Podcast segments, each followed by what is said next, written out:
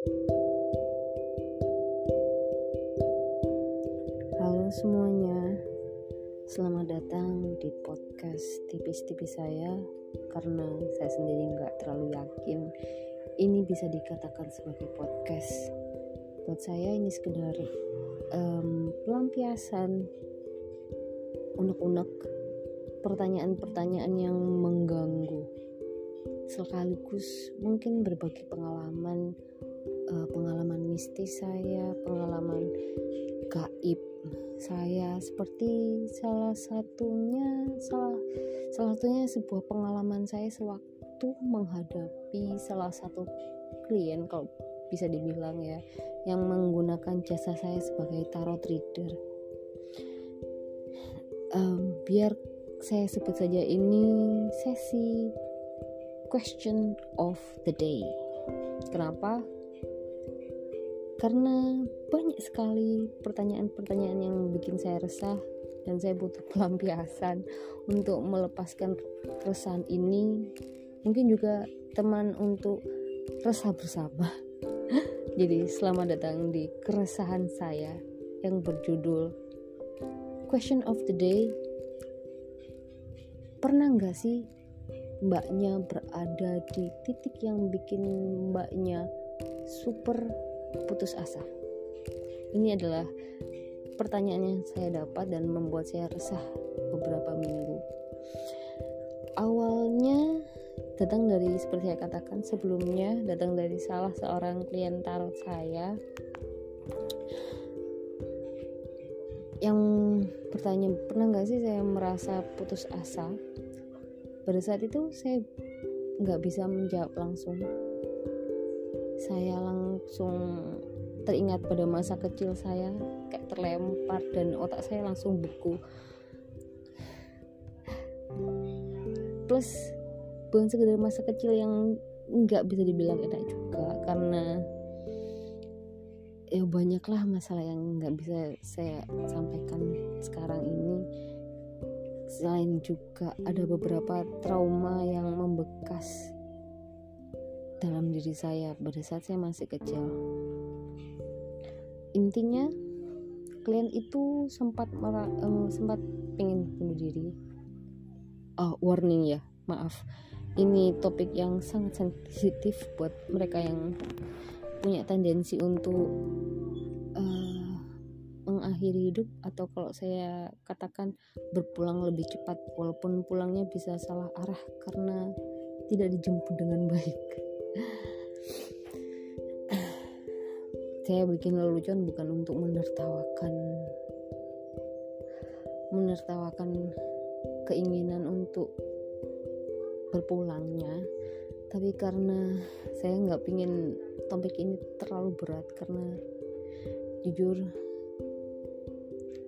it takes it takes about two weeks for me record this walaupun pada kenyataannya saya sudah menyiapkan poin-poin apa yang saya ah poin-poin apa saja yang akan saya bicarakan di podcast ini. Jadi ya pertanyaan itu membuat saya flashback ke masa kecil saya. Ke saat-saat di mana saya ingin bunuh diri atau berpulang lah waktu itu saya sekitar berusia berusia sekitar 11 sampai 12 tahun. Ada banyak hal yang saat itu membuat saya istilahnya waktu itu saya pengen pulang. Saya nggak nggak tahu cuma saya tahu saya perlu menghentikan ini semuanya. Saya perlu menghentikan kehidupan ruang dan waktu saya saat itu dan berpulang. Anehnya, saat itu yang ada di kepala saya adalah ibu, bukan ibu kandung saya yang melahirkan saya secara fisik dan biologis, tetapi ibu sebuah sosok yang sampai saat ini membuat saya pengen menangis. Karena saking baiknya beliau saking penyayangnya beliau uh, she always bring me brings me to tears karena saya bertemu atau setidaknya bersenggolan dengan sosok ibu ini dalam tanda kutip beberapa kali. Pertama kali banget waktu saya berumur sekitar 11-12 tahun itu. Um, waktu itu saya cuma tahu saya harus pulang nih karena saya merasa untuk apa saya di sini? Kalau saya hanya hanya merasakan penderitaan yang waktu itu tidak bisa ditahan oleh anak berumur 11 12 tahun. Uh, singkatnya waktu itu saya ah saya sadar sejak kecil bahwa saya berbeda. Tidak seperti sebagian besar sepupu saya yang secara um, secara kecerdasan ya tahulah khasnya orang Asia ya. Eksatanya bagus. Dengan saya cenderung lebih ke seni dan bahasa. Dan saya punya cara menyampaikan pendapat yang berbeda. Yang kedua saya berpikir lebih lama dan saya tidak istilahnya istilahnya di orang-orang sekitar saya tidak bisa menyampaikan pendapat setajam orang Surabaya seharusnya bisa menyampaikan pendapat.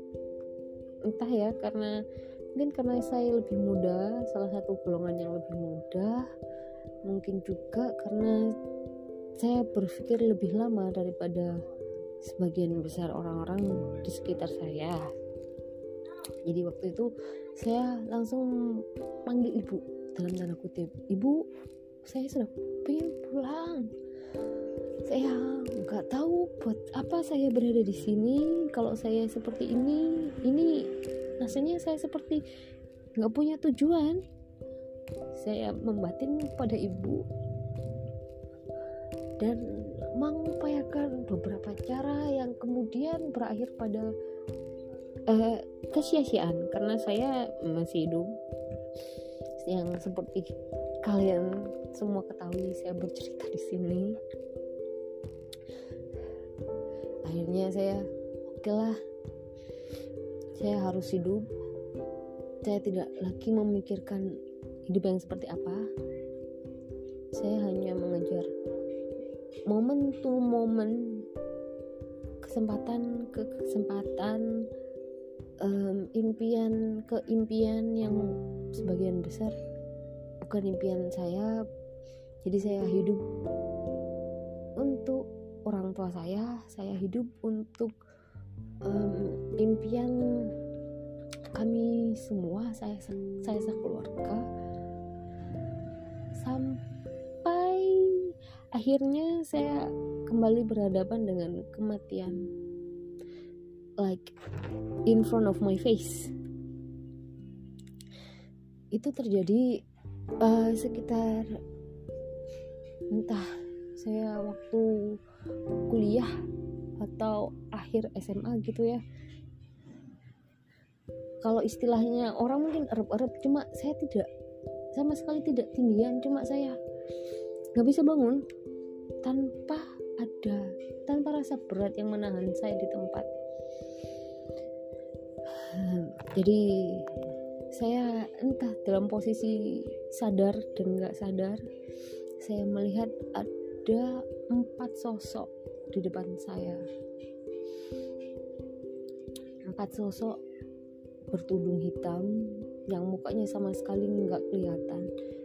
Tiga di antara mereka berkata lebih baik anak ini dibawa pulang. Kayak apa ya waktu itu harus anak ini harus pulang. Buat apa ada di sini? Karena sampai saat itu secara mental dan psikologis saya masih merasa menderita karena jujur saja meski saya lahir di keluarga yang um, tradisional maaf kalau saya suaranya nggak nggak jelas ya. Uh, lahir di keluarga tradisional Jawa. Kakek kakek buyut saya yang saya ketahui adalah salah seorang Tumenggung bukan kaki buyut juga sih jauh banget kayak leluhur gitu ya. Uh, salah seorang Tumenggung gitu yang benar-benar megang ada Jawa jadi Jawa Islam gitu ya. Kalau orang uh, Jawa yang ngomongnya ke Islam ke Jawa gitu tapi ya pada prakteknya mengakulturasi antara budaya Jawa dengan Islam yang sama-sama halusnya, sama-sama menghargai alam dan manusia sekitar dan menghargai kebaikan serta kehalusan budi. Itu intinya. Tapi kita nggak akan bahas di sini. Jadi tiga sosok itu meminta saya untuk pulang. Lebih baik karena ini dibawa pulang saja. Tapi satu sosok mengatakan wala mengatakan jangan anak ini masih ada tugas. Masih ada yang harus dia lakukan di dunia ini. Dan anehnya saya menanyakan kepada almarhum ayah saya. Waktu itu saya nggak berani benar-benar nggak berani cerita ke siapa-siapa karena cerita aja bikin saya nangis. Ternyata apa ya? Pertanyaannya itu masih sama should I go home? Or should I stay? Kayak gitu. Jadi saya memutuskan untuk bercerita ke kakek saya. Salah satu kakek saya dari pihak Pak D sepupunya ayah kalau di Jawa sih Mindoan gitu ya. Tapi kakek saya cuma ya seperti orang Jawa orang tua Jawa pada umumnya nggak bisa bercerita langsung karena takut diikerso kayak gitu. Jadi saya pun menyimpan ini sampai akhirnya saya bisa bercerita kepada guru ayah saya dan guru saya guru ayah saya pun nggak bisa langsung menjawab. Cuma waktu itu saya sudah punya firasat sih. Saya bertemu dengan dulur papat primo pancer saya yang jadi ceritanya dulur papat itu ada kakang kawah adi hari-hari pusar dan darah. Yang kelima ini menurut uh, guru ayah saya adalah diri kita sendiri. Jadi lima panjang. Empat ada di luar satunya adalah diri kita sendiri. Jadi empat orang itu adalah dulur papat saya yang menawarkan.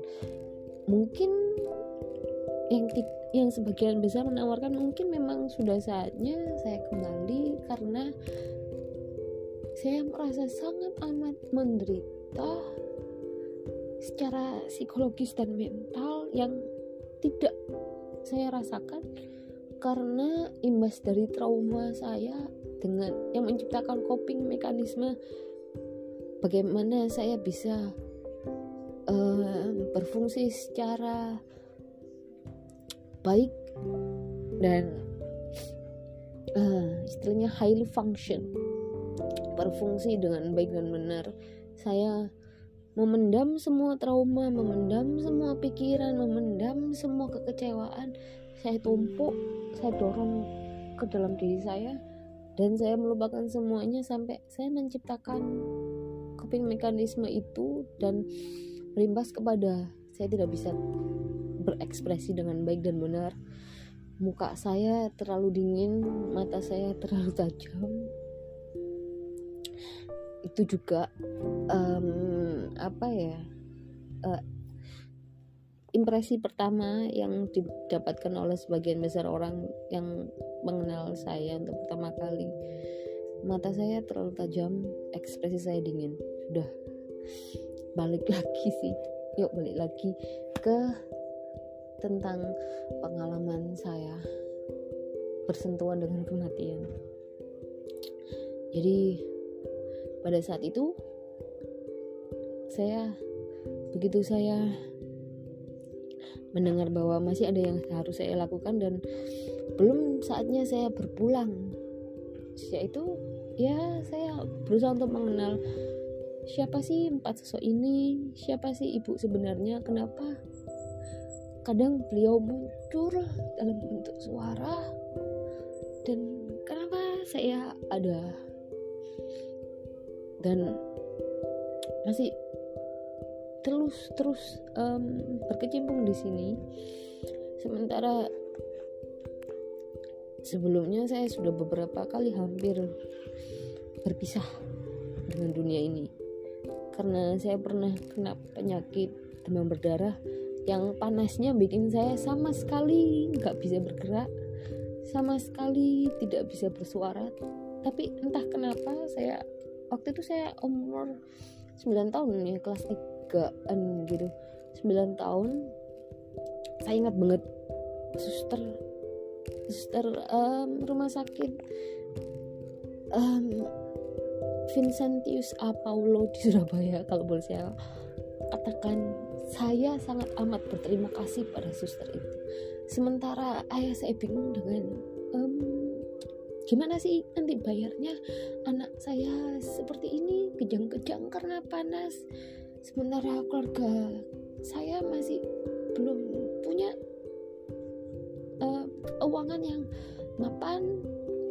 Jadi waktu itu saya sakit dibawa ke UGD dan saya sudah kejang-kejang. Nggak seorang pun yang apa ya bisa membantu saat itu. Terus ayah saya pasrah cerita dari beliaunya. Ayah saya pasrah. Sorry kalau banyak nangis ya. Ayah saya pasrah. Habis gitu si suster menyarankan untuk minta aja pak. Uh, surat tidak mampu ke RT RW gitu. Akhirnya akhirnya susternya menyarankan demikian. Dan ini saya dengar sendiri susternya ngomong karena kalau anak um, anak dalam keadaan seperti ini bisa lewat. Alias waktu itu saya bisa aja bablas dan pulang beneran ke ibu dalam tanda kutip. Terus pengalaman berikutnya saya panas lagi. Ini waktu uh, hampir kelulusan S1 ya. Saya panas hampir. Tapi masih bisa beraktivitas. Cuma setelah tiga hari saya nggak tahan. Tubuh saya langsung lemas. Beb hilanglah kesadaran saya. Saya langsung dibawa ke rumah sakit oleh ibu saya. Alhamdulillahnya waktu itu keadaan ekonomi kami sudah oke. Okay. kami sudah punya mobil walaupun mobil bekas. Uh, ibu saya langsung meminta tolong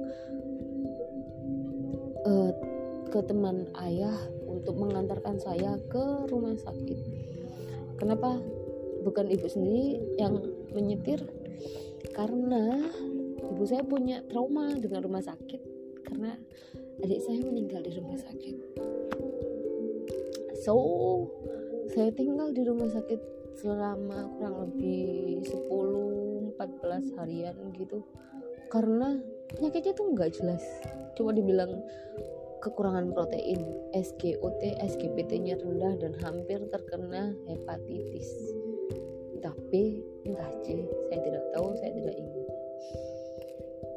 Jadi pertanyaan itu dari si klien yang bertanya apa yang saya lakukan kalau saya putus asa. Saya nggak bisa menjawab kalau saya punya trauma yang menciptakan coping mekanisme saya untuk mengubur semuanya dan berada di posisi autopilot bekerja mati-matian belajar apa pun yang bisa membangkitkan saya yang bisa membuat saya tetap hidup walaupun sekedar hidup day to day momen ke momen. Asalkan saya tetap ada karena saya belum punya panggilan berpulang. Istilahnya saya belum punya tiket pulang dan um, intinya saya tahu juga kalau seandainya pun saya memaksa untuk pulang saya nggak akan bertemu ibu. Kalaupun saya bertemu ibu saya nggak akan langsung pulang. Saya akan menyesatkan diri dulu nyari lagi wadak karena memang belum waktunya saya pulang. Bahkan ayah saya berkata ini sudah tanggung jawab saya.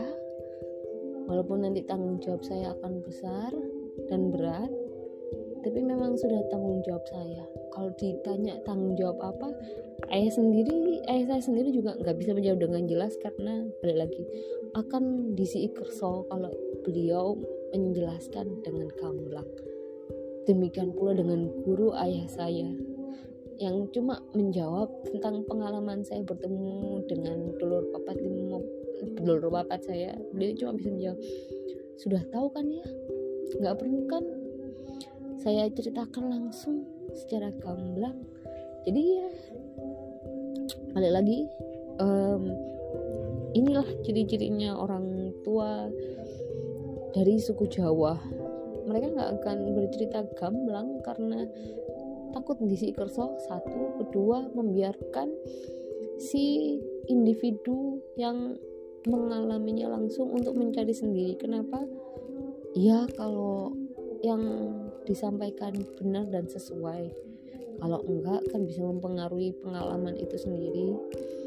Dan yang ketiga agar si individu yang mengalami itu bisa mandiri untuk kemudian hari dan tidak terlalu menggantungkan diri kepada orang tua, menggantungkan diri semuanya kepada mereka yang lebih tua.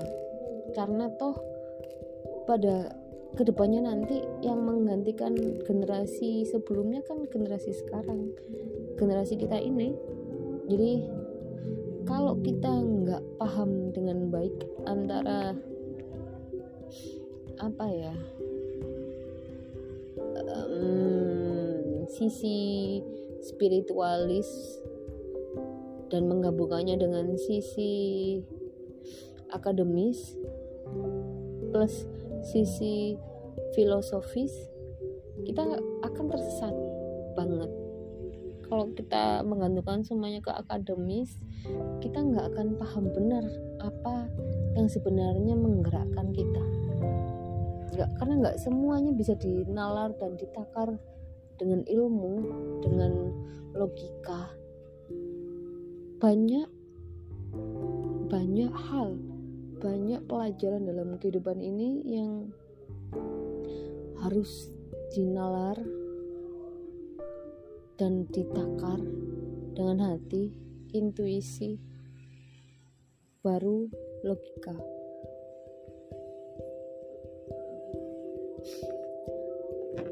Ya, sekian pengalaman dari saya. Podcast tipis-tipis yang banyak nangisnya. Semoga um, bisa membantu